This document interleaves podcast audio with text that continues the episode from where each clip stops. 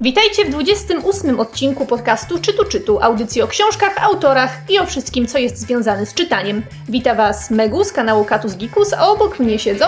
Ocias, Ocean Souls Blog. Kasia Czajka z bloga Zwierz Popkulturalny. Ja zawsze potrzebuję tej takiej pauzy, żeby sobie Tak i zawsze o tym mówisz, jakby to już będzie taka tradycja Wydawało mi się, że po 28 odcinkach czy 27 odcinkach Kasia już się przyzwyczai, jakiego bloga pisze i będzie w stanie Po o tym publicznie latach? mówić. Znaczy, Słuchaj, kiedy zombie vs. No zwierz? tak, tam mówicie tylko wasze imiona, bo Tak, nie pamiętacie bo niczego niczego innego, nie prawda? A nawet nazwisk.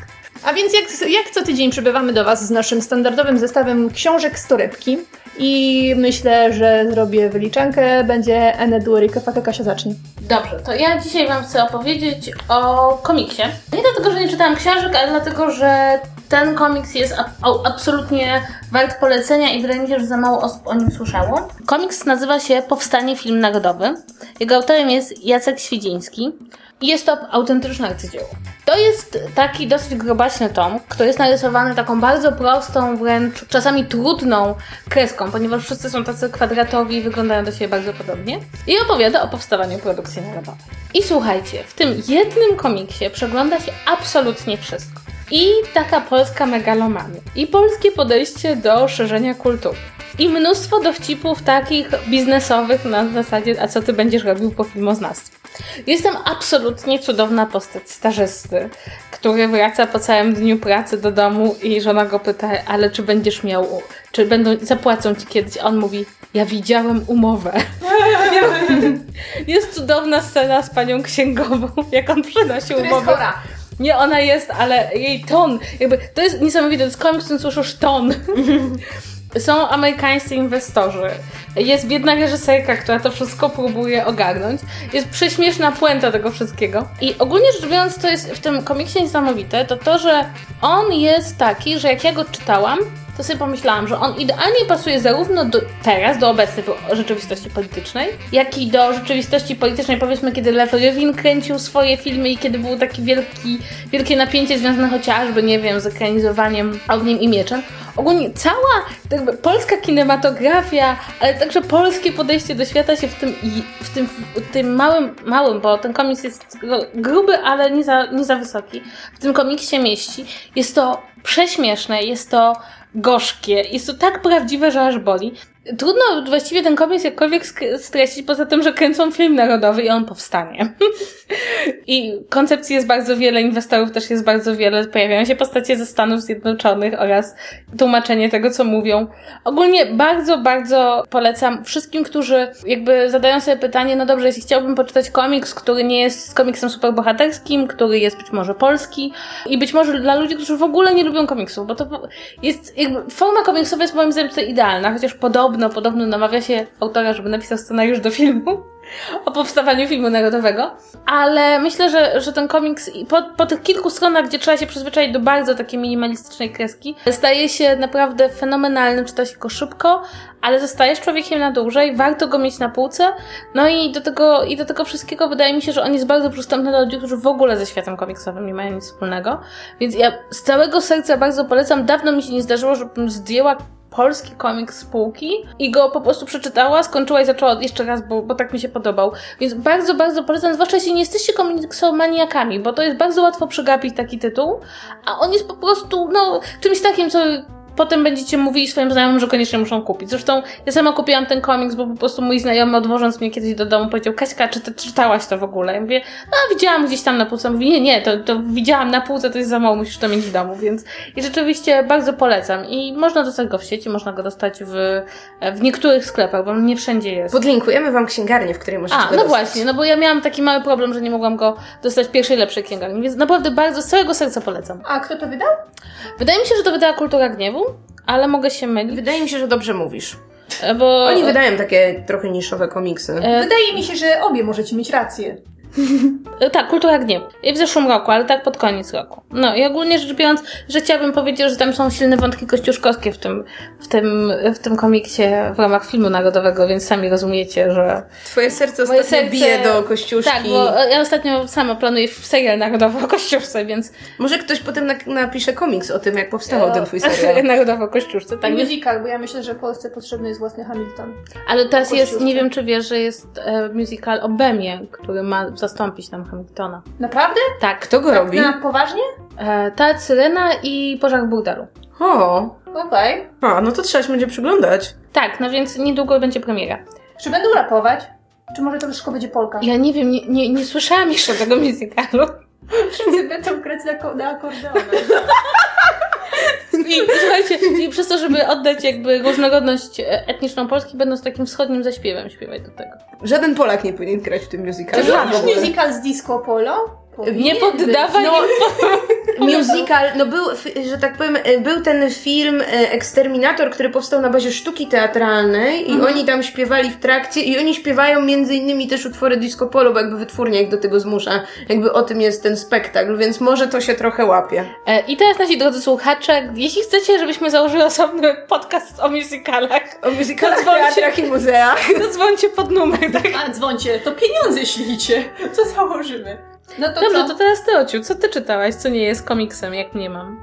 Ha, ha, ha, ja czytałam książkę, która dotyczy komiksów, żeby było śmieszniej i wcale nie ustawiałyśmy tego, tego nagrania. Przeczytałam Mordobicie, Wojna Superbohaterów, Marvel kontra DC, autorstwa Rida Takera, które całkiem niedawno, w kwietniu tego roku, ukazało się nakładem wydawnictwa Agora i Agora podesłała mi książkę do recenzji, za co niniejszym bardzo dziękuję. I teraz tak, zacznijmy może od takich faktów bardziej na mój temat niż temat książki, mianowicie ja wcale nie czytam komiksów superbohaterskich, to znaczy, no czytałam kilka tytułów, ale to nie jest tak, że wiem o nich specjalnie dużo, czy że śledzę je na bieżąco. Ja bardziej wiem, o czym są komiksy, niż czytam komiksy. Niemniej historia walki, czy też rywalizacji dwóch najważniejszych wydawnictw na amerykańskim rynku wydaje mi się od samego początku tematem niezwykle fascynującym, no i powiem wam, że się nie zawiodła.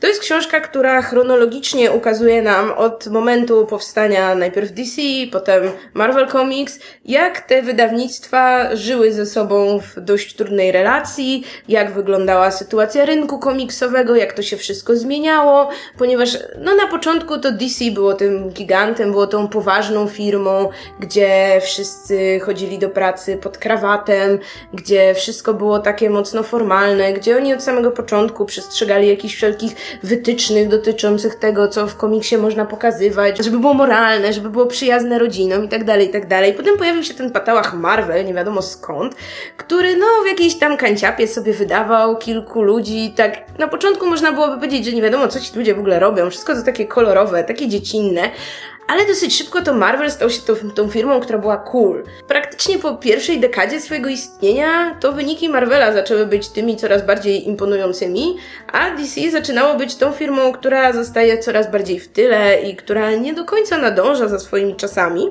To się oczywiście później trochę zmieniało, bo były okresy, kiedy DC udało się wyprzedzić Marvela, były okresy, kiedy to jedno wydawnictwo jako pierwsze wprowadzało jakąś innowację i drugie potem starało się deptać mu po piętach. I ta książka pełna jest fascynujących faktów z tego, jak wyglądały relacje między szefami tych wydawnictw, między poszczególnymi redaktorami, ponieważ te relacje były bardzo różne. To znaczy, były tam relacje przyjacielskie, kiedy na przykład dwóch redaktorów było współlokatorami i musieli usiłować nie zdradzać sobie jakichś wydawniczych sekretów. Były relacje, kiedy oczywiście jedne wydawnictwa próbowały podkradać co zdolniejszych redaktorów, scenarzystów czy rysowników drugiemu wydawnictwu, oferując im lepsze warunki, oferując im wyższe zarobki i oczywiście niektórzy pracownicy na tym korzystali, przeskakując to do, to do DC, to do Marvela. W tych początkowych dekadach nie mieli za bardzo żadnej innej opcji, bo tak naprawdę żadne inne wydawnictwo się nie liczyło i jeśli ktoś chciał pracować w tej branży, no to zostawali mu tylko dwaj giganci. Jest też trochę takich zakulisowych opowieści o pewnego rodzaju zmowach cenowych, o tym jak y, w pewnym momencie wydawnictwa próbowały się umówić, ile będą płacić autorom komiksów, albo ile będzie kosztować dany album, czy ile będzie liczył stron. I to nie jest tak, że te stosunki były między nimi jakoś bardzo antagonistyczne, czy bardzo wrogie. Nie, raczej zarówno jednemu, jak i drugiemu wydawnictwu zależało na tym, żeby obydwa wydawnictwa dalej istniały na rynku, no tylko po prostu każdy chciał być lepszy. Ta książka nadaje się moim zdaniem także dla osób, które właśnie tak jak ja w komiksach jakoś bardzo nie siedzą, bo te tytuły, które się ukazywały nie są wcale najważniejsze. To znaczy, oczywiście jest mowa o tych najważniejszych tytułach, które pojawiają się na rynku. Jest mowa o pierwszym numerze Fantastycznej Czwórki, jest mowa później o tych głośnych tytułach, które zaczynało wydawać DC, które trochę zmieniły oblicze powieści graficznej, czyli na przykład o Strażnikach, czyli o powrocie Mrocznego Rycerza Franka Millera. Ale to nie jest tak, że musicie znać treść jakiegokolwiek komiksu, by się przy tej książce dobrze bawić, czy by czerpać z niej informacje.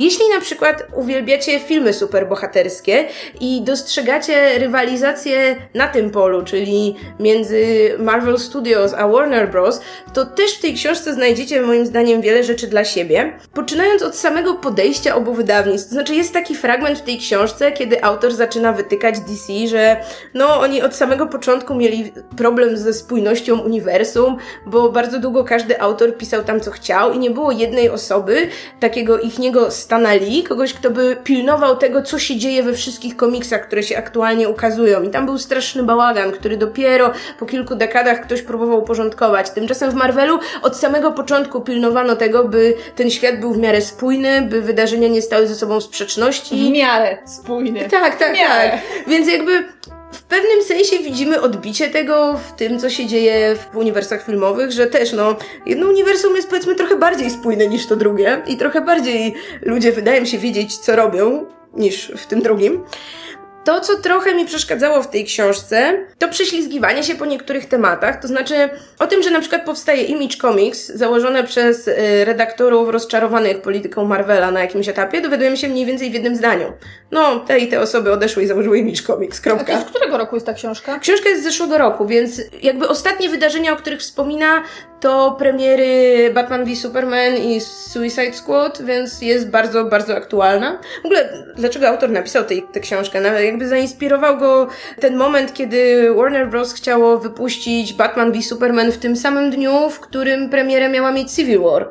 Prawie do tego doszło, oni się później wycofali, ale właśnie jak, jak, jak Reed Tucker o tym usłyszał, to stwierdził, że dobra, że to jest właśnie ten konflikt, o którym on chce napisać, bo, bo jego fascynują konflikty, jego poprzednia książka jest jakiś konfliktach wśród drużyn koszykówki. W sensie, że co? Y, że Batman v Superman miałoby zostać wypuszczony dopiero teraz? Kiedy teraz była premiera Civil... Aha, nie Civil War. War nie, Mówię, nie, nie Infinity War, okay. Captain America Free Civil War, że okay. miały mieć premierę w ten sam dzień, no ale Warner, Warner Bros. potem się z tego wycofało, tak. To byłaby sromotna klęska. Tak, jeszcze wracając do tego, o czym autor się trochę prześlizguje, no to to są właśnie te współczesne tematy. Mam wrażenie, że te minione dekady są lepiej zresearchowane i lepiej opisane niż najnowsze czasy. Tam, zwłaszcza pod koniec, pojawia się taki wątek, że komiksy superbohaterskie są teraz w odwrocie i że to jest coraz bardziej zagrożony gatunek, że tak naprawdę popularność superbohaterów tak bardzo już przeniosła nam się na ekrany kinowe, że komiksy to już zrobiła się coraz bardziej nisza dla takich już bardzo zapaleńców.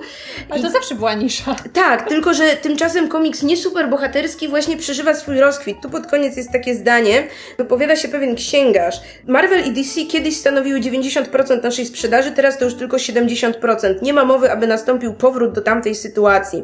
I tutaj są też inne, inne jakby przytoczone argumenty o tym, jak właśnie gigantyczna potrafi być sprzedaż innych, takich bardziej mainstreamowych tytułów, do której te tytuły superbohaterskie, nawet te najgłośniejsze, nie mają w ogóle szans się zbliżyć.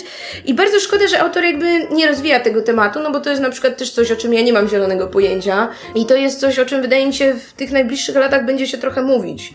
O tym, o tych, o tych problemach i o tym, że już te takie najświetniejsze lata dla tych wydawnic już raczej nie wrócą. No ale i tak nawet mam wrażenie, przepraszam, że tutaj się, mm. że moment w latach 90., kiedy prawda nie było nawet tego filmowego uniwersum, a już e, sprzedaż komiksów spadała po prostu nawet na szyję. To był, najmocniej, to był najmocniejszy moment. E, zwłaszcza nawet, że samo DC tego nie ukrywa. Ja posiadam taki olbrzymiasty album wydany z okazji 75-lecia DC, gdzie oni mówią wprost, że w latach 90., kiedy jakby zabrakło młodzież już oglądała filmy, już oglądała seriale, nie, nie czytała już komiksów, także biegło się po nowy komiks, a jeszcze jakby Marvel Cinematic Universe nie zaczęło napędzać widzów, tych, którzy no sięgają jednak po komiksy, chociażby widzimy to po rynku komiksowym w Polsce, no to wtedy to oni właściwie patrzyli upadkowi wprost w oczy. Bo no ile, ile, ile razy też Marvel Comics stawał na granicy bankructwa? Co najmniej dwa.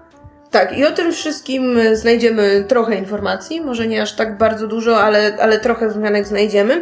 I tym, czego jeszcze mi zabrakło, to większego nacisku na opis konfliktów, właśnie tych takich redakcyjnych, to znaczy na przykład o konfliktach z rysownikami, którym płacono straszne grosze, albo później, y, kiedy były te wszystkie walki o prawa, jak zaczęto robić pierwsze ekranizacje i też późniejsze, o tym, to też jest strasznie w tej książce zamiecione pod dywan, bo w pewnym momencie jest po prostu napisane, że no od jakiegoś tam momentu ekranizacji rysownicy zaczęli dostawać tantiemy za wykorzystanie postaci, które stworzyli i wszyscy są zadowoleni, co nie jest prawdą, bo wiemy, że wszyscy nie są zadowoleni i że wiele konfliktów jest, nie wiem, wciąż żywych, czy było żywych jeszcze kilka lat temu. No i, i szkoda, że jakby na ten temat też, też więcej nie ma ale okej, okay, rozumiem, że książka nie mogła być o wszystkim i tak jest dość obszerna i tak znajdziemy tam dużo ciekawych informacji. I książka jest y, fantastycznie wydana i mam tu na myśli zarówno to ze strony jakby autora, gdzie jest cała masa przypisów, jakby za każdym razem, kiedy on cytuje wypowiedź jakiegoś, nie wiem, redaktora, autora, zawsze jest przypis, zawsze możemy zweryfikować, czy ten ktoś naprawdę tak powiedział. I jest y, fantastyczne wydanie polskie, jest bardzo dobre tłumaczenie autorstwa pana Krzysztofa Kurka, które ma ręce i nogi, nie ma jakichś, nie wiem, głupich rzeczy, co wiemy, że w książkach, tak, że w książkach związanych z popkulturą czasem się zdarza, bo tłumacz na przykład nie wie, co tłumaczy. Tutaj nie znalazłam żadnej bzdury. Jest bardzo ładnie wydana tak pod względem, nie wiem, typograficznym, jeśli chodzi o oprawę i tak dalej. Jedyne, co ja bym dorzuciła do tej książki, to indeks, bo czasem chce się znaleźć, gdzie była wzmianka o jakimś konkretnym y, tytule albo właśnie o konkretnej osobie i trochę mi tego brakuje, ale no to już ja takie zboczenie. Czy to jest książka mm, na istniejących materiałach, czyli autor przejrzał to, co ludzie powiedzieli i masz przepisy do istniejących materiałów? Czy on na przykład osobiście rozmawiał z redaktorami i, i ludźmi zatrudnionymi w Marvelu, którzy powiedzmy czy, czy DC, którzy powiedzmy kiedyś tam pracowali, już nie pracują, a jeszcze można się z nimi skontaktować, czy z obecnymi pracownikami, czy to jest raczej taka książka, gdzie on zrobił niesamowitą kwerendę? Zrobił niesamowitą kwerendę, tak. Tam no. się odwołuje, wiesz, do wywiadów z nimi, które ktoś inny sam, przeprowadzał, aha, albo do ich wpisów z Twittera. No właśnie, bo e, jakby, jeśli, bo ja dzielę tego typu książki, prawda, na, zasadniczo na dwie rzeczy. To znaczy, jeden to są takie książki niesamowicie zresearchowane, czasem bardzo ciekawe, a drugie to są takie, gdzie się przychodzi i się zadaje realne pytanie. I ja, przy, jakby, ta książka brzmi fajnie, ale jakby ja zawsze mam podejrzliwość, jak autor książki na jakiś temat y, mówi przez interpretację źródeł, a jeśli może oczywiście zapytać kogoś, no bo tam nie, założyciele DC to raczej już nie żyją, ale kiedy na przykład właśnie zamiast pójść porozmawiać z zasadnikami, czy się z nimi osobiście skontaktować, to, to robi to przez, przez jakby za pośrednictwem czyjegoś innego wywiadu, bo to znaczy, że kto inny decydował, jakie zada pytanie. Więc y, ja zawsze mam taki, ale to taki amerykański sposób pisania książek, tak. bo tak się pisze szybciej. Tak, na koniec jeszcze dodam, że książka jest tak napisana bardzo lekkim językiem, bardzo szybko się to czyta, jest momentami bardzo dowcipna, zwłaszcza jest taki jeden zabawny fragment, gdzie autor pisze o tym, jak pierwszy raz y, ktoś w wydawnictwie DC postanowił przyjść do pracy nie pod krawatem, nie w garniturze, że właśnie w 1977 roku dwaj scenarzyści, Carrie Bates i Marty Pasco, postanowili przetestować nowe granice tolerancji i założyli do pracy sportowe kurtki oraz koszule z rozpiętymi kołnierzykami, bez krawatów. I o dziwo pozwolono im wejść w nich do biura. Więc tu jest właśnie sporo takich ciekawostek, sporo takich informacji o pracy w korporacji, co dla mnie jest zawsze fascynujące, no bo jako tak, taki człowiek właśnie też z korporacji zawsze chętnie podglądam, jak to w tych innych firmach się pracuje. No jest tam też parę takich właśnie anegdot na zasadzie, jak już pracownicy Marvela zarabiali na przykład dużo więcej niż pracownicy DC, więc kiedy byli wspólnie na kolacji, to Chris Claremont bo on po prostu stwierdził, że on zapłaci cały rachunek i potem była mała afera, bo następnego ranka odebrał telefon z DC od redaktora naczelnego, że oni sobie nie życzą takich zachowań. No i, tak więc, jeśli ktokolwiek jest jakkolwiek zainteresowany historią DC, historią Marvela, to polecam ten tytuł. I podoba mi się to, że zaczynają się na naszym rynku takie książki pojawiać. Mieliśmy dwa lata temu niezwykłą historię Marvel Comics no, y, od Cine Qua Non, nie dwa wcześniej? O, proszę cię, to już z pięć lat temu było. Naprawdę? O, jak ten czas leci. A tak, to jeszcze było chyba w okolicach premiery po Avengers jakoś tak, no nie? No możliwe. No dawno, okej, okay, no dobra, to mieliśmy jedną książkę dawno temu. W tym roku na jesieni Cine Qua Non wydaje biografię Stana Lee, Więc jestem Naprawdę? bardzo ciekawa, czy to będzie taka biografia pełna tych wszystkich brudów i mam nadzieję, że tak, zamierzam ją przeczytać. A jeżeli jakieś wydawnictwo chciałoby sugestii odnośnie tego, jakich, y, jakie książki o komiksach warto w Polsce wydać, to jest fantastyczna książka o historii Batmana, The Caped Crusade się nazywa. Mówiłam kiedyś o niej w Myszmaszu i jeszcze jej po polsku nie ma i bardzo warto się nią zainteresować, bo jest niesamowicie ciekawa. No dobra, to tyle ode mnie. Megu. Ja zrobię taki zgrabny segway, ponieważ y, Kasia, wspominałaś o tych książkach, które są tak y, zresearchowane biernie i o tych, które są zresearchowane czynnie prze, poprzez prze, prze, przeprowadzenie wywiadów. A więc niniejszym ja przejdę do książki, która zawiera listę wywiadów, które autor przeprowadził. Lista ma 7 stron i dwie kolumny. Ale tutaj już mówimy o e, reportażu na miarę Pulitzera, ponieważ haha, dawno nie było w naszym podcaście reportażu wydawnictwa Czarne.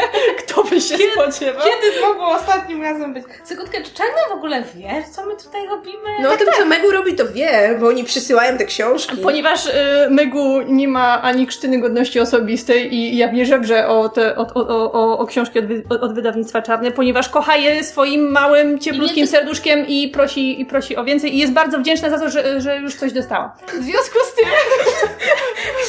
Segment żebraczy. jak powiedziałam, nie mam godności osobistej. Em, W związku z tym, tym razem dostałam możliwość przeczytania książki pod tytułem Wyniosłe wieże, Al-Kaida i atak na Amerykę autorstwa Lorenza Wrighta. Rzuciłam się na tę książkę jak pelikan na młode ryby, ponieważ y, Lawrence Wright jest moim absolutnie ulubionym autorem reportażów, które wydaje Czarny, bo to od niego zaczęła się moja wielka miłość do tego wydawnictwa, bo kilka lat temu ukazało się w nim książka pod tytułem Droga do wyzwolenia tego samego autora o, o scjentologach i o historii scjentologii, która ma ponad 500 stron, a ja ją łyknęłam w dwa dni, bo jest tak niesamowicie fascynująca. I tym, tym razem e, Lawrence Wright e, zdecydował się napisać coś, co mnie wydawało się, że będzie historią ataku na World Trade Center. Jak do tego wszystkiego doszło? No bo ponieważ książka się nazywa Wyniosłe wieże, więc jakże, jakże mogło być inaczej. Co ciekawe, po angielsku to jest liczba pojedyncza, The Looming Tower. Ja nie wiem, dlaczego to jest liczba pojedyncza. a Nie Bo wieże no, były dwie, No, no nie? no właśnie, więc to jest troszeczkę dziwne. A czy to nie jest nawiązanie? Możliwe, że to jest nawiązanie, którego ja po prostu nie wyłapuję. Nie wiem. Jeżeli ktoś, jeżeli ktoś wie, to napiszcie w komentarzach. W każdym razie, kiedy usłyszałam, że taka książka w ogóle na polskim rynku się pojawi, a dodajmy, że ona dostała nagrodę Pulitzera za najlepsze non-fiction w 2006 roku, to byłam pewna, że to będzie taka ścisła historia samego zamachu, ukazana z takiej amerykańskiej perspektywy. Tymczasem w prologu mamy postać jednego z agentów FBI, który nazywa się Daniel Coleman, który wchodzi po prostu do siedziby FBI i ma zacząć pracować w komórce zajmującej się terroryzmem. I ja sobie myślę, okej, no dobra, no to zaczynamy. To pokażcie mi, jak pracowało e, CIA, jak pracowało FBI, do czego tam właściwie doszło. Tymczasem potem mamy przeskok na Bliski Wschód i zaczynamy rozmawiać o świecie islamskim. I ja tak czekam, czekam, czekam, czekam. Przepraszam? 300 stron później Przepraszam, przepraszam. The Looming Tower to jest nawiązanie do Koranu. A, no pro, I okej. że to jest nawiązanie do tego, do zdania, które Osama Bin Laden zacytował na ślubie, na którym był przed e, 9-11, że gdziekolwiek jesteś, śmieć cię znajdzie, nawet jeśli jesteś właśnie w wyniosłej wieży. O, dobra, okej. Y, Ten cytat też pojawia się w tej książce, dopiero teraz mi się to przypomniało, kiedy, kiedy to y, przeczytałaś. Tak jak powiedziałam, y, tak jak powiedziałam, dopiero po 300 stronach mniej więcej innej akcji innej historii wracamy na, na amerykańskie podwórko i zaczynamy obserwować całą sytuację oczami Amerykanów. A czym jest wcześniejsze 300 stron, czyli praktycznie dwie trzecie tej książki? To jest tak naprawdę historia powstania Al-Kaidy i historia przemian w świecie arabskim, ukazana mniej więcej od lat 40., które doprowadziły do tego, że narodziły się tam takie bardzo radykalne ruchy Fundamentalistyczne. które obrały sobie za e, cel e, Amerykę. I to, są, I to są przemiany, które opisywały rozwój ich filozofii, rozwój takiej myśli społecznej, też e, te takie najważniejsze wydarzenia w historii Egiptu na przykład. Tam był zamach na prezydenta, który się udał i potem było pokazane, jak ci wszyscy sprawcy tego zamachu byli torturowani bardzo intensywnie w więzieniach, co doprowadziło do ich radykalizacji i utworzenia się różnych takich e, komórek zrzeszających e, największych e, radykałów, przepełnionych już w tym momencie nienawiścią do zachodniego świata, bo to oczywiście, że zachodni świat był temu wszystkiemu winny. A jednocześnie mamy tam też historię samej rodziny Bin Ladena. I to była chyba dla mnie ta najciekawsza część, bo przez tą taką narrację, z którą my obcujemy, będąc tutaj na zachodzie i jednak będąc sojusznikami Ameryki, wiele rzeczy po prostu nam umyka i o wielu rzeczach się nie mówi. Ja na przykład nie miałam pojęcia, że rodzina Bin Ladenów była naj, najbogatszą rodziną w Arabii Saudyjskiej i po prostu to byli ludzie, którzy mieli miliardy, miliardy dolarów, bo kiedyś senior tego rodu wybił się na budowlance, że król saudyjskiego zatrudniał do wszystkich możliwych robót, jakie tam były i facet zarobił tyle kasy, że po prostu mógł mieć u stóp cały świat.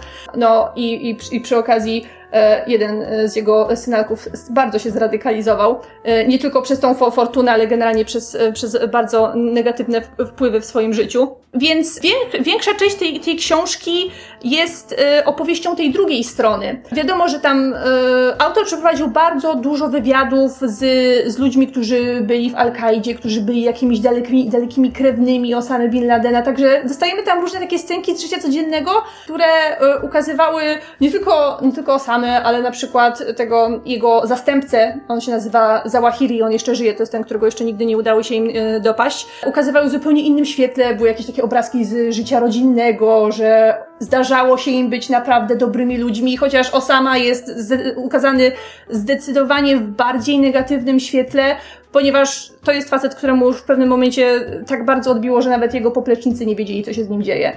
I dopiero po tym, kiedy prześledzimy całą historię powstania Al-Kaidy i całą historię życia e, Osamy Bin Ladena, powracamy do Ameryki i mniej więcej tak w latach 80., 90.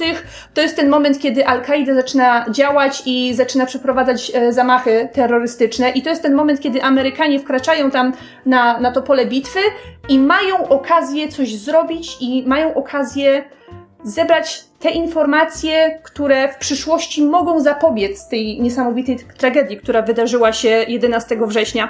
Ponieważ y, jaka myśl bardzo wyraźnie stoi za tą książką, jest to myśl, według, y, która bardzo frustruje autora i to rzeczywiście widać, to znaczy jak to, jak to jest możliwe, że w kraju tak zaawansowanym technologicznie nie udało się powstrzymać zamachów, w którym zginęło, zginęło tyle tysięcy ludzi, a po drugiej stronie mieliśmy, mieliśmy ludzi z zupełnie nierozwiniętego państwa, którzy posługiwali się jakąś prymitywną technologią i oni nas wszyscy przechytrzyli. Jak to, jak to w ogóle było możliwe?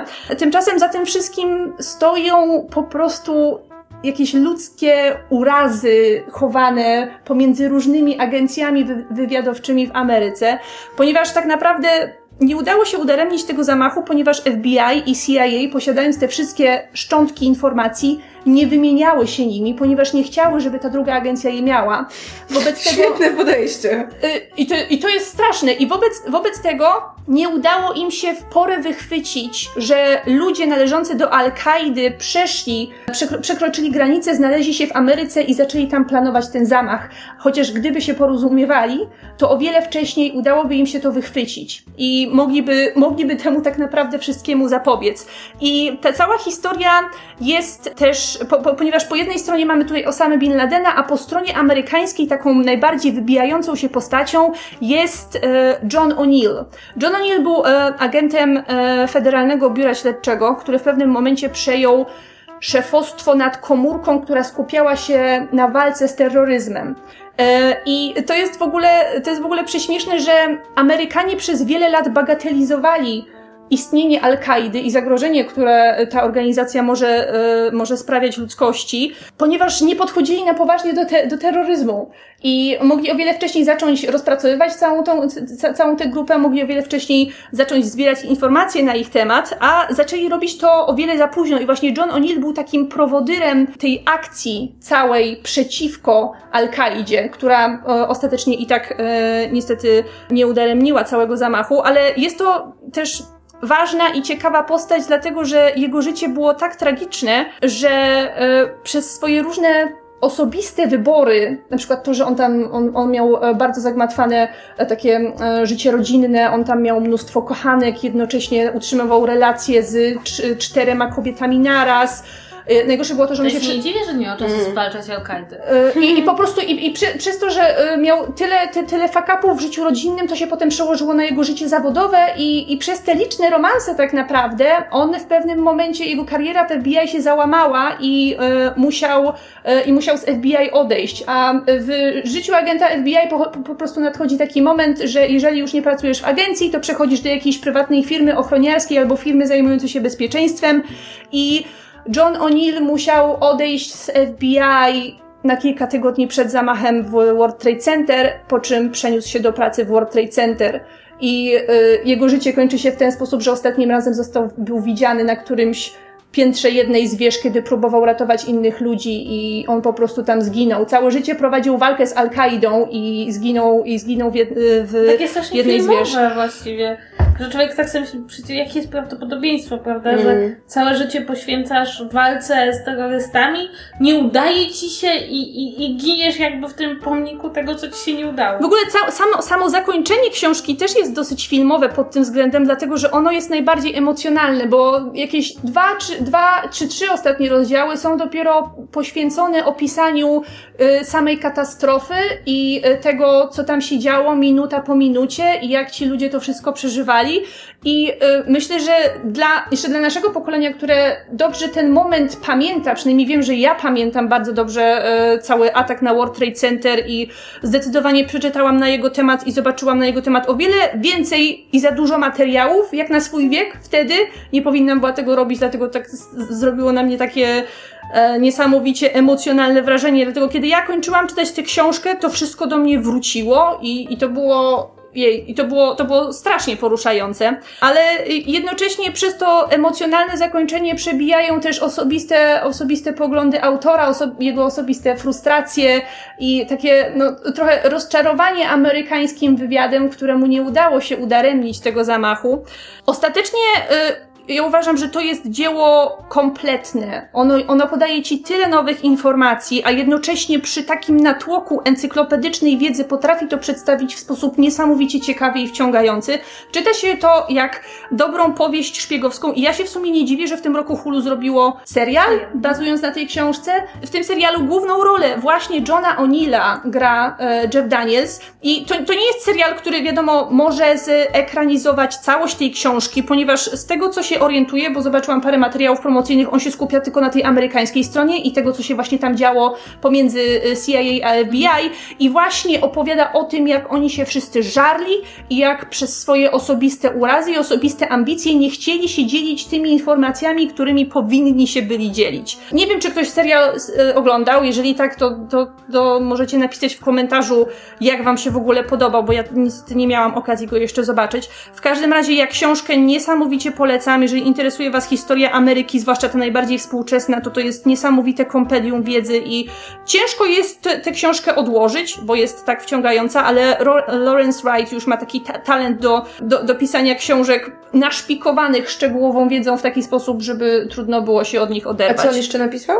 On napisał, e, tak jak już wspomniałam, książkę o scjentologii pod tytułem Droga do wyzwolenia, która również jest dostępna po polsku. Tutaj z tyłu książki można zobaczyć, że napisał coś pod tytułem Bliźnięta, geny, środowisko i tajemnica, tajemnica tożsamości, a ja w tym momencie e, pracuję, ponieważ e, facet mieszka w Teksasie i w tym momencie pracuję nad książką opisującą właśnie tak e, życie w Teksasie, teksańską mentalność, bo on, to, e, to, to, jest jego ulubione miejsce na ziemi i on, choć, choć sam nie ma aż takich konserwatywnych poglądów jak statystyczny Teksańczyk, to bardzo chciał właśnie poświęcić następną swoją książkę temu regionowi Także bardzo, bardzo polecam całą jego twórczość. Jeszcze, jeśli jeszcze mogę zrobić małą erratę, bo a propos reportaży o World Trade Center. Mhm. Dwa lata temu bodajże pojawił się w sieci reportaż o próbie zrekonstruowania, kto jest na jednym zdjęciu osoby skaczącej przez okno. O Jezu, nienawidzę tego zdjęcia, ono jest tak dla mnie ono traumatyzujące. Jest, ono jest absolutnie koszmarne jest, jest straszne. natomiast,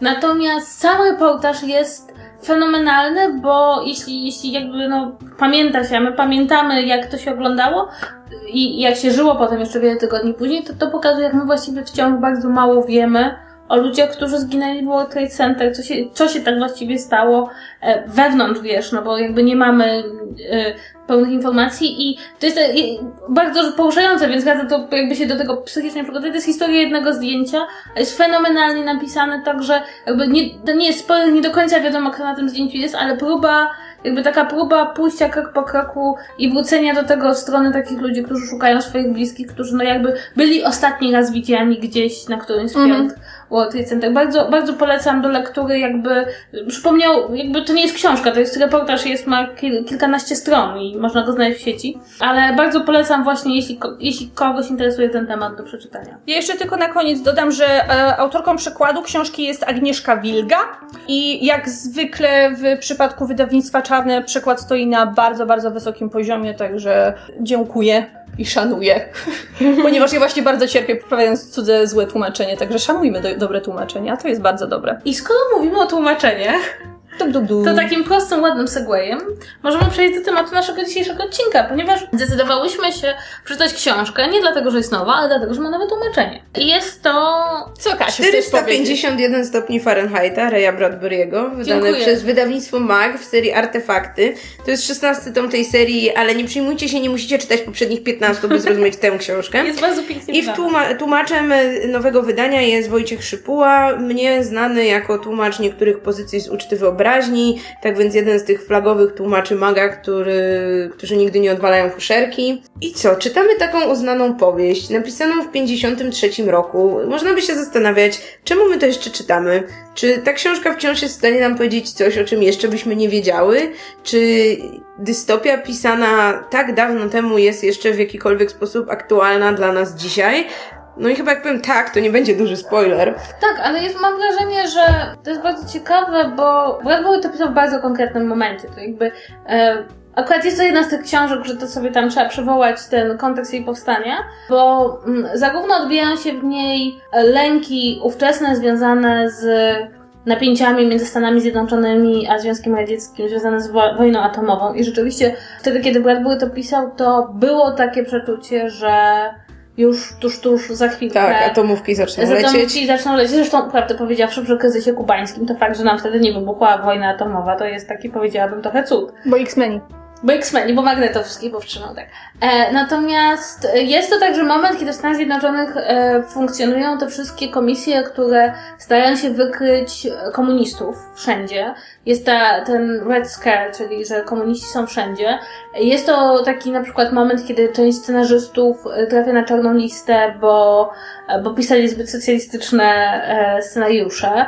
To są takie momenty, kiedy jakby, no, same, jakby nikt, trzeba udowodnić, że nie jest się komunistą w, w świecie, który jest bardzo paranoiczny, a jednocześnie jest to świat, w którym coraz popularniejszy staje się Bradbury widział zarówno ten wzrost złotą erę radia, jak i tą złotą erę telewizji, która tutaj e, zaczyna rozkwitać. I te wszystkie, te wszystkie elementy, które Bradbury mógł oglądać za okna, bardzo wyraźnie widać w jego, e, w tej powieści. Te, te, te, elementy się pojawiają, więc bardzo jest to wyraźnie książka, książka swoich czasów, ale jeszcze jest bardzo ciekawe, bo jednym z opowiadań, które jest takimi jakby pierwocinami e, książki, jest opowiadanie Pedestrian, które powstało w ten sposób, że Bradbury się któregoś wieczoru snuł po ulicy i złapała go policja i zapytała, co pan tu robi. On powiedział, no stawiam jedną stopę przed drugą. No ale tak to wydarzenie go straumatyzowało, że... Mm, napisał opowiadanie właśnie o takim totalitarnym państwie i też bardzo wyraźnie widać, że było to jakieś takie doświadczenie, które chyba uruchomiło w nim pytanie, jeśli tylko ja się snuję wieczorem po ulicy, to co robią ci wszyscy ludzie, których, których tutaj nie ma, prawda? I pewnie wyszło mu na to, że oglądają telewizję. Generalnie w tej książce bardzo przebija e, osoba Bradbury'ego. Im więcej się o nim czyta, tym więcej tych elementów dostrzega się w tej książce. Sam fakt, jak wielkim był miłośnikiem literatury, to znaczy on od najmłodszych lat czytał science fiction, e, był miłośnikiem miłośnikiem Verna, był miłośnikiem Wellsa, później też przyjaźnił się z niektórymi autorami, czy bardzo dobrze znał ich twórczość. No, przy, te, mówi się o tym, że przeczytał chyba wszystkie książki napisane przez Roberta Heinleina choćby. I był też miłośnikiem literatury, tej literatury pięknej powiedzmy. Był taki moment, że w ogóle odciął się od fantastyki i, i zaczął czytać zupełnie inne, inne książki. I jest w nim też taka miłość bibliofilska, to znaczy we wspomnieniach Bradbury'ego on ma takie dwa momenty, kiedy otworzyły mu się w jakimś momencie oczy na przerażające rzeczy, których dokonała ludzkość. Pierwszą było zniszczenie Biblioteki Aleksandryjskiej, kiedy yy, Bradbury dowiedział się o tym jeszcze w nastoletnim wieku i później, później kwestia tego, że naziści palili książki. I, i te jakby jego takie lęki, traumy, czy, czy po prostu taka miłość do książek bardzo przebijają przez, przez tę powieść. Przy czym ja przyznam szczerze, że każdy, kto nie jest wściekły, że spali bibliotekę aleksandryjską, ma źle w głowie. Nie jest Jakby człowiekiem. Spotkajcie jakiegokolwiek historyka i co cię boli? E, Ja muszę przyznać, że ja nie pamiętam, kiedy ostatnio czytałam książkę, która miałaby już tyle lat. Nie wiem, czy to Wow. mówi.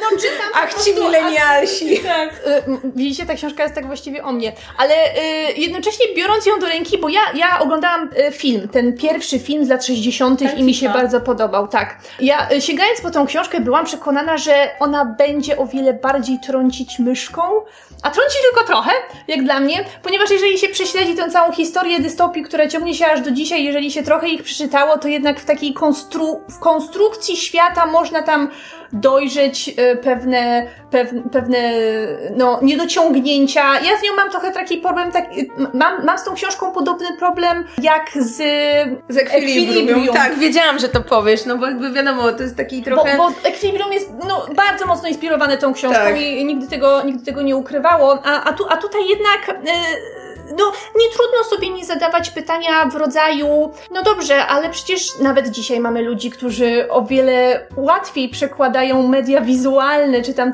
tele, tele, telewizję, zwłaszcza i internet w tym momencie nad książki i tak naprawdę nic nie czytają, a jednak daleko im jeszcze od osiągnięcia takiego poziomu zniewolenia umysłowego, jak tym ludziom, którzy tutaj są pokazani w tym totalitarnym społeczeństwie. A a jednocześnie są tam takie, są to takie rzeczy, które e, dzisiaj, od, od których dzisiaj, dzisiaj się trochę uśmiecham, jak na przykład to, że najbardziej przerażającą rzeczą e, dla głównego bohatera w tej książce jest ten mechaniczny pies z igłą, że ta igła to jest po prostu takie ucieleśnienie tego, tej najgorszej tortury, najgorszej rzeczy, jaką maszyna może wyrządzić istocie ludzkiej. I to to jest dzisiaj takie śmieszne. Co, co, ale co, co nie zmienia faktu, że książka mogłaby, ta, ta książka mogłaby dzisiaj wypadać jeszcze gorzej, ale wciąż, y, wciąż mimo wszystko y, jakoś się broni. Chociaż y, ja mam taką tendencję troszeczkę do ocenienia autora. Wydaje mi się, że to jego tak, jak na dzisiejsze czasy, to jego wyobrażenie totali, totalitarnego państwa i tych okropności, które robi totalitarne państwo jest strasznie naiwne.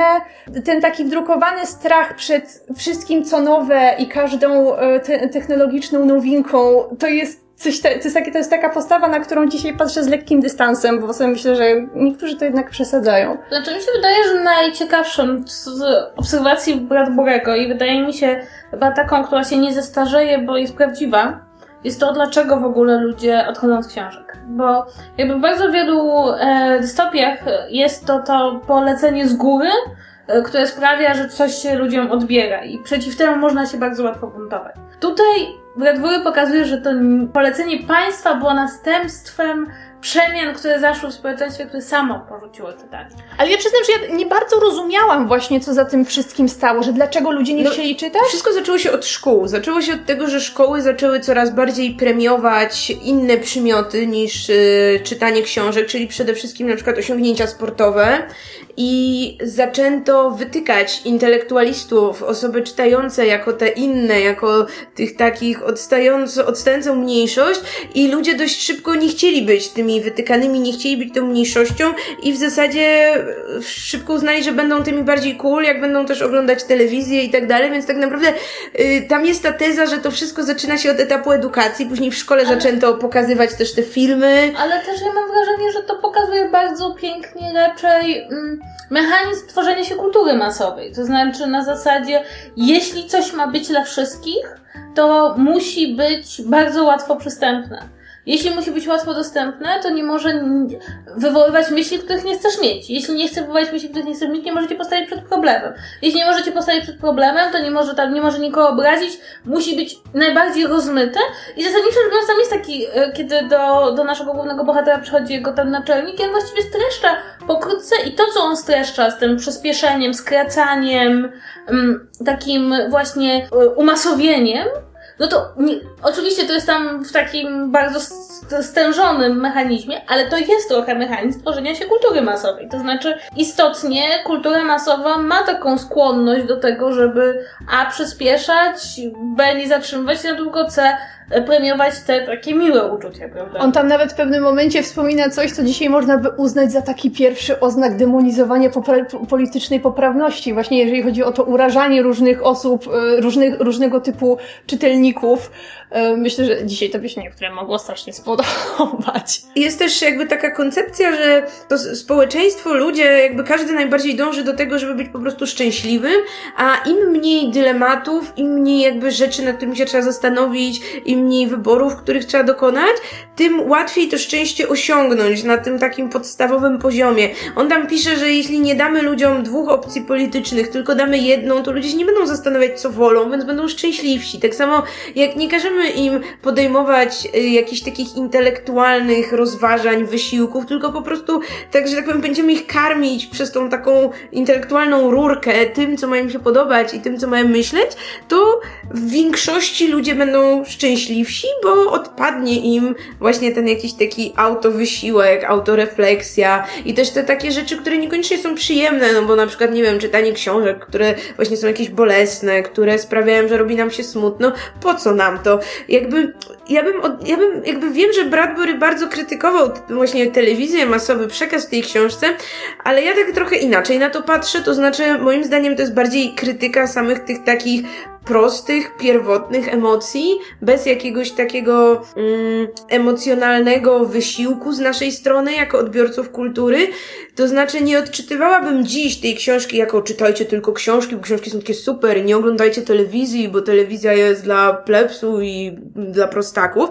Ja bym to rozumiała jako sięgajmy po tę kulturę, która jakby daje nam jakieś emocje, która pozwala nam wznieść się na jakąś taką intelektualną empatię i która pozwala nam coś sobie, żeby co, coś przemyśleć i żeby coś nas tam gdzieś poruszyło, a nie sięgajmy tylko po te proste emocje, bo po pierwsze one na dłuższą metę będą nas tylko ogłupiać i z drugiej strony bardzo łatwo je przedawkować. Tam jest ta postać żony głównego bohatera, która tylko ogląda jedną telenowelę w telewizji i łyka proszki nasenne w nadmiernych ilościach i to jest to takie ten taki zgubny nauk tych sięgania po te proste emocje, zamiast czasem po coś, co może będzie trudniejsze, ale w rezultacie nas gdzieś tam rozwinie. Ja się, ja się właśnie bardzo zastanawiałam nad, yy, nad tą wizją i właśnie też, no bo ja się z tą zgadzam, że to jest ta dychotomia. Ja to tak zastanawiam, czy to nie jest taka trochę piękna dychotomia uprzywilejowania. To znaczy, powiedzmy sobie szczerze, kultura masowa jest zjawiskiem nowym. Jest zjawiskiem nowym między innymi dlatego, że kiedyś yy, znaczna część osób nie miała żadnego dostępu do kultury. No poza jakąś taką kulturą w wymiarze takim najbardziej ludowym, no nie, nie czytali, do teatru nie chodzili, kina nie mieli, radia nie mieli, telewizji nie mieli, nic nie mieli. E, jakby... No, książkę miał ksiądz w kościele. Książkę miał, jak mógł, mogliby mieć nawet książkę, gdyby kiedyś było na nią stać, ale nie mogli byli w stanie przeczytać. E, prasa docierała powiedzmy w miastach, ale też tylko do pewnego momentu.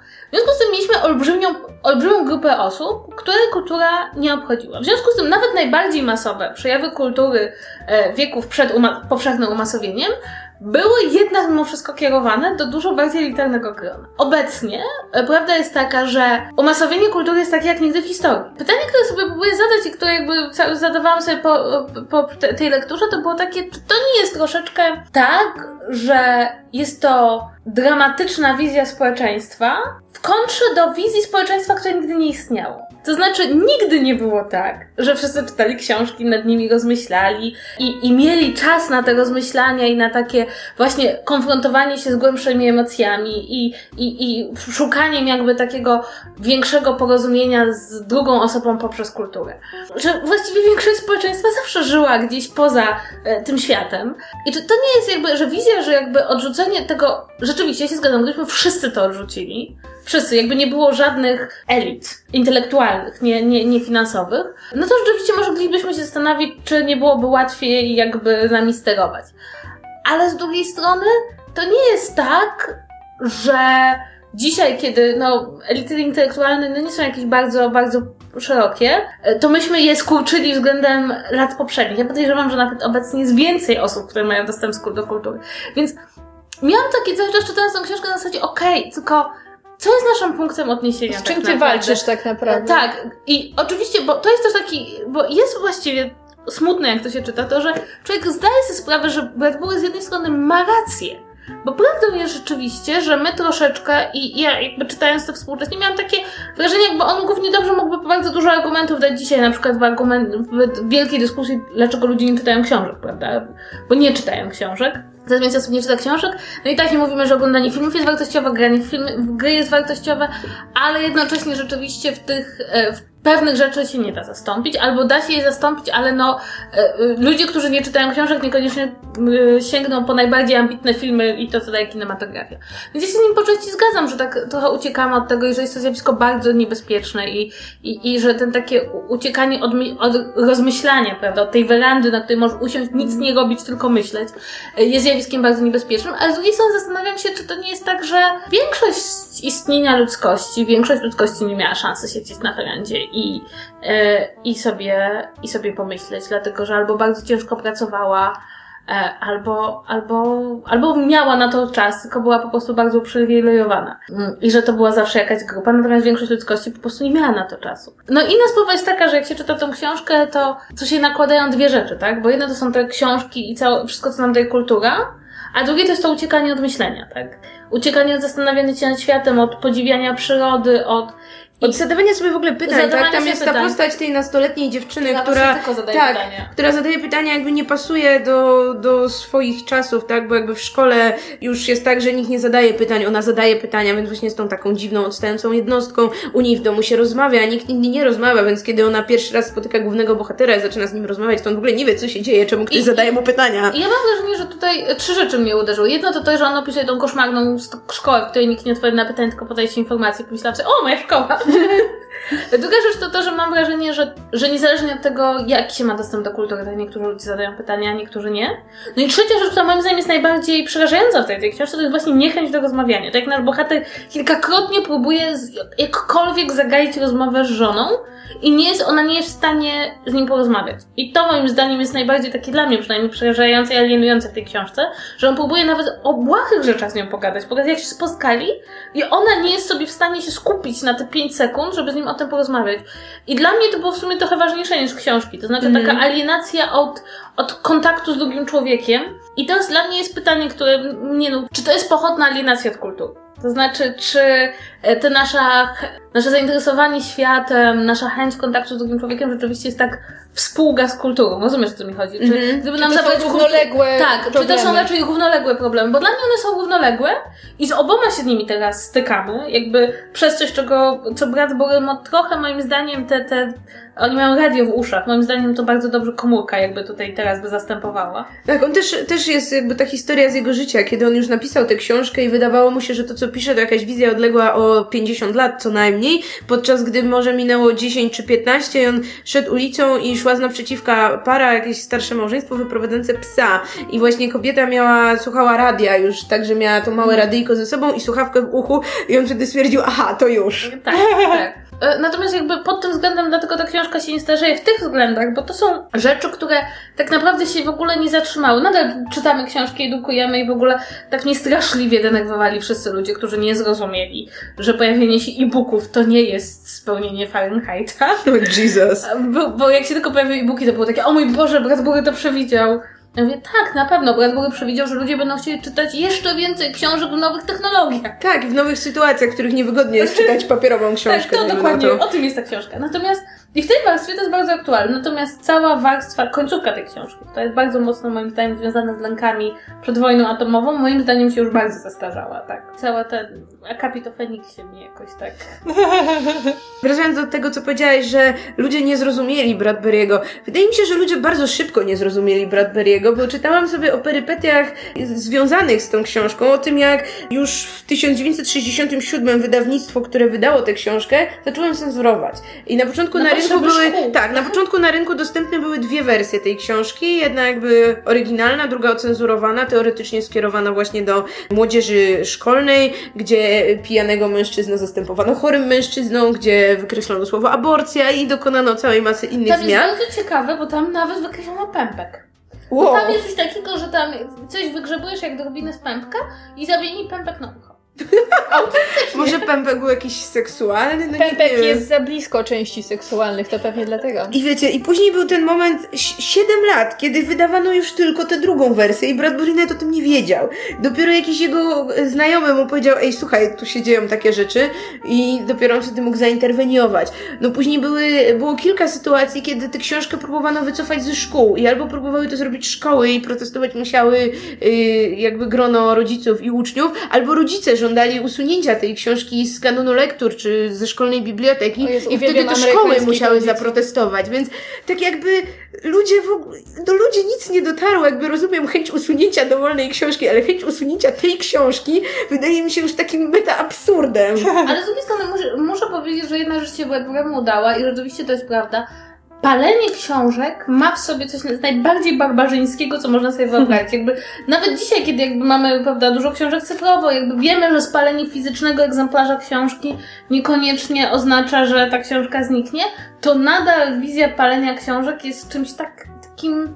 Mamy tylko jedno, jakby jedno e, skojarzenie, podejrzewam, ale takim szczytem barbarzyństwa, prawda, że, że książek się nie pali. I to jest bardzo ciekawe, że, że rzeczywiście on przeniósł te swoje lęki i ten obraz i i to się bardzo mocno, mam wrażenie, zakorzeniło w ludziach. To znaczy, w sumie, to, to nie jest książka o paleniu książek, tak, tak, naprawdę, ale jakbyś kogoś zapytała, o czym jest Fahrenheit, to by ci powiedział, że jest o paleniu książek, bo to jest tak wyraźny i tak odrzucający e, obraz. Nawet, nawet dzisiaj, jak się zdarzają takie sytuacje, że ktoś gdzieś kiedyś wyrzucił cały kontener książek, nie wiem, czy kojarzycie taką sytuację, i ludzie się zaczęli skrzykiwać na Facebooku, żeby przyjść i zabrać te książki, żeby je uratować przed zagładą, i ludzie naprawdę lecieli tylko dlatego, że pasło, padło hasło książka. Oni nie wiedzieli, o czym są te książki, więc yy, do, do dzisiaj te obrazy bardzo mocno do ludzi, do, do, do ludzi przemawiają i ludzie naprawdę chcą te książki ratować. Tak, y, to znaczy ja przyznam, przyznam szczerze, że czytając tą książkę jeszcze pomyślałam sobie, że przez te lata od czasu jej wydania, no jest to e, taka książka nastawiona na to, że będzie krótka, ale miałam takie wrażenie, że paradoksalnie nie chcę powiedzieć, że czytelnik się bardziej wyrobił, ale że już oczekuje, ten czytelnik, który jeszcze czyta, oczekuje od książki trochę więcej, trochę więcej... Znaczy sam gatunek się wyrobił, myślę. Może. Dystopie, tak jak, tak jak wspomniałam, teraz już trzeba stawiać o wiele większy nacisk na budowę świata i jednak na zawieszenie te, tej niewiary na jakimś wiarygodnym poziomie, tak żeby widz był w stanie, widz, przepraszam, że czytelnik, żeby czytelnik był w stanie uwierzyć, że rzeczywiście do takiego, tego rodzaju totalitaryzmu mogłoby dojść. A, a bardzo często dystopie opierają się się na tak absurdalnych założeniach, że naprawdę ciężko jest uwierzyć, że ludzie byliby znaczy, ekwilibrium. Przepraszam, ja nie cierpię tego filmu. Nie, znaczy, chodzi mi raczej o to, że no, mm, Orwell jest taki, jakby był wydany kilka lat wcześniej i jest książką, moim zdaniem, znaczy, ja się nie dziwię, że, że Bradbury jest w lekturze. Bo dla mnie to jest taka książka, która jest w niektórych miejscach w tej swojej klarowności argumentacji, że się tak wyrażę, i bezpośredniości przedstawiania stron konfliktu, jest bardzo bliski powieści młodzieżowej. No, Orwell wyszedł kilka lat wcześniej i jakby ja bym młodzieży nie dawała do czytania. A jest lekturą przecież. Nie u nas. I Folwark Zwierzęcy i rok Folwark 84, nie? Folwark Zwierzęcy jest lekturą i tak, ale Folwark Zwierzęcy, ale rok 1000 974 nie jest lekturą. U mnie żadne nie było. Może było na jakiejś, wiecie, liście Forma, takiej uzupełniające i nikt jest, nie dawał. Ale Forma zwierzęcy może być, bo on jest taki w formie mm. przypowieści. Natomiast, natomiast wydaje mi się, że bardzo mało młodych ludzi byłoby w pełni w stanie docenić 1974, natomiast wydaje mi się, że, że Fahrenheit jest bardzo dobrze Jest bardzo czytelny, tak bardzo naprawdę. Bardzo czytelny i bardzo bardzo, w sumie mało straszny tak naprawdę. Znaczy tak. ja przynajmniej go czytałam, być może to jest nasza taka, wiecie, zblazowana perspektywa osób, które się naczytały tyle o, o totalitaryzmach y, z naszej perspektywy, że wiecie, tam y, te dystopie, to panie, co byśmy, wszystko jest Tak, perspektywa, kiedy najgorszą rzeczą, jaką może ci przytrafić, to to, że ktoś przyjdzie i spali ci książki. No przepraszam, z, z perspektywy tego podcastu to powinna być na, na, najbardziej okropna rzecz, jaka może człowieka spotkać. Nie, Także, bo z perspektywy gdzie to jest ktoś, Słuchajcie, ktoś, kto przyjdzie i poczyta e, książki z ślonymi rękami. ale, ale nie, ja powiem szczerze, że jak czytałam tę książkę pierwszy raz i tam jest dosyć wcześnie ten fragment, jak y, starsza kobieta nie chce opuścić domu, y, który ma zaraz spłonąć z całym jej księgozbiorem, tylko decyduje się zostać i spłonąć razem z nimi. To, jesteś ty. to młoda Ocia mówiła sobie, tak, to jestem ja. Teraz, kiedy czytałam już tę książkę w nieco poważniejszym wieku, mam już powiedzmy trochę dojrzalsze podejście, więc nie płonęłabym na stosie razem z moimi książkami. Ale rękę byś dała. Poświęciłabyś rękę. No może. No może, mo, może rękę tak, tak, może rękę tak. tak. Znaczy, ja mam wrażenie, że jak człowiek jest trochę starszy i tą, tą książkę, zresztą to dla mnie było bardzo dziwne przeżycie, bo czytałam książkę, którą znam, ale w nowym tłumaczeniu, w związku z tym jej nie znałam. To wiecie jak to jest, kiedy masz jakby, znasz książkę i wiesz, co będzie w danym momencie, ale ponieważ są troszeczkę inne słowa, to masz takie przesunięcie. No to miałam takie wrażenie, że jednak jak człowiek jest starszy, to dużo bardziej widzi autora. Dużo jakby, że już... Szuka tego autora, szuka prawda? tego autora i szuka jego argumentów i coraz bardziej właśnie z tego świata wynika mu człowiek, który mówi, no mi się to nie podoba, to mi się nie podoba, to powinno być tak, to powinno być inaczej, to, tego się boimy, na to nie zwracamy uwagi. Zresztą ja mam wrażenie, że jedną rzeczą, która mi się w tej książce bardzo podoba i moim zdaniem jest bardzo ciekawa, to jest to pytanie o to, jak bardzo ludzie nie chcą wiedzieć, co się dzieje w polityce jak bardzo to odcinają się od informacji ze świata, prawda? No tutaj jakby są te odrzucowce, które przylatują nad głowami i jakby widzimy, że bohater czuje pewien dyskomfort, że jest, jest napięcie, które doprowadzi do wojny, ale on nie wie do końca, co się dzieje. I tak próbowałam się zastanowić, bo z jednej strony mamy rzeczywiście coraz bardziej rosnące zniechęcenie do polityki, takie odejście i to jakby żyjemy, właśnie jesteśmy w takim momencie, kiedy bardzo wyraźnie czuć, że ludzie są zniechęceni polityką. Z drugiej strony mamy coś, czego yy, Bradbury jakby tutaj nie przewidział, to znaczy to, że wiadomości te ze świata są coraz, są bardzo ważne i płyną non-stop, tylko nie wiadomo, które są prawdziwe, tak? Bo, bo płynie ich te, tak wiele. Tak, że jest tak duży szum informacyjny, tak. że czasem łatwiej być tym człowiekiem okopanym książkami, który się od tego odetnie. Niż, tak, niż, więc y, to jest jedna z tych rzeczy, nad którą ja się bardzo zastanawiałam, bo mam wrażenie, że to jest trochę, co, jest to słuszne, y, jakby słuszne przeczucie, że, że ludzie jakby czują się bardzo zmęczeni polityką i, i, i to obserwujemy teraz, mam wrażenie, że wzrost ruchów populistycznych, które mają być czymś innym niż polityka, ale mają sprawować władzę jest właśnie bardzo mocno w tym zakorzeniony i to jest taka jakby niekulturalna obserwacja Bradbury'ego, z którą ja się zgadzam, ale mam jednocześnie bardzo wyraźnie poczucie, że jest to e, obserwacja autora, który siedzi w tej Ameryce, która e, która prowadzi konflikt, w którym właściwie nie wiadomo, czy on jest prawdziwy, czy tylko zimny. I tych ludzi, którzy prawdopodobnie tak się boją, że nie chcą o tym słuchać, no bo te wiadomości, prawda, trochę tak jak my dzisiaj odświeżamy stronę internetową z wiadomościami i nigdy nie wiemy, prawda, czy jest po wojnie w Korei, czy właśnie rakieta leci w kierunku, w kierunku Stanów Zjednoczonych, więc i to jest, e, to mi się wydaje, że, że to napięcie tutaj bardzo też można dzisiaj dobrze poczuć. No dobrze, my wam właściwie nie powiedziałyśmy o czym jest ta książka, ale liczymy na to, że albo to wiecie, albo sobie wygooglacie. nie no, a tak poważnie, to myślę, że osoby, które tej książki nie znają, nie zrobią, e, jakby nie będzie dużym błędem, jeśli po nią sięgną. Książka jest dosyć krótka, jest jednym z takich, no powiedziałabym już w tym momencie kamieni milowych, y, zarówno jeśli chodzi o dystopię, jak i taką literaturę poświęconą książkom, gdzie książki odgrywają dosyć ważną rolę. Więc y, my będziemy wam, znaczy ja będę wam tę książkę polecać, nie wiem jak wy. Y, tak, ja Sprzedałyśmy wam cały klucz interpretacyjny, jakby co. Nie no, na pewno są jeszcze inne klucze. Nie, nie, na, nasz nie musi być jedyny prawidłowy. Z tego co wiemy, jest też najnowsza ekranizacja, ponoć nie do końca udana, która wyszła Naprawdę? na dniach y, na stacji HBO. Tak, a ja, ale ja, a ja nie wiem, natrafiłam chyba na jakieś zupełnie, in, zupełnie inne recenzje, bo ja słyszałam o niej dobre rzeczy. Jestem bardzo ciekawa, jak dzisiaj będą próbowali pokazać Bradbury'ego, dlatego że jest to, no, ta ekranizacja z 60. jeszcze była w tym samym świecie, że się tak wyraża, natomiast dzisiaj żyjemy już w zupełnie innym świecie, wiemy co się wydarzyło, co się nie wydarzyło, jak to tam zostanie osadzone, prawda, bo z tego co widziałam, to jest to taka bardzo, bardzo rozbudowana futurystyczna wizja przyszłości. A czy to jest w jakikolwiek sposób uwspółcześnione? Chyba tak. Tak, tak. Plus ponoć Michael Shannon jest zawsze dobry, on gra kapitana Bittiego, czyli tego złego przełożonego, naszego dobrego głównego bohatera. Ale trochę demonicznego. No, trochę, jest w nim, jest no, coś demonicznego, tak. No ja już jak czytałam teraz drugi raz książkę, to już widziałam twarz Michaela Shannona przed oczami, bo jestem podatna na takie sugestie. Tak, ale ogólnie rzecz biorąc, czytajcie tę książkę i czytajcie inne książki, bo, bo I warto... nie palcie ich. Tak, nie palcie książek. Jeśli nie macie czym palić w kominku, to możecie książką telefoniczną, bo już nikt nie, nie korzysta. Dokładnie. I to jest jedyna książka, którą możecie palić. I jeżeli wydaje się Wam, że to już wszystko, co przygotowałyśmy dla Was w dzisiejszym odcinku, to się mylicie, ponieważ uwaga, uwaga, mamy dla Was coś jeszcze. Mamy coś dla Was bardzo fajnego, bo jest to konkurs. Jej, konkurs! Dostaniecie Jej. rzeczy! Jeśli wygracie. No, najpierw się będziecie musieli trochę wysilić. Konkurs prowadzimy we współpracy ze sklepem kolektor.pl I już od dzisiaj do 1 czerwca możecie zajrzeć do sklepu i możecie wpisać kod rabatowy czytu czytu 15, a dostaniecie 15% zniżki na całe wasze zakupy.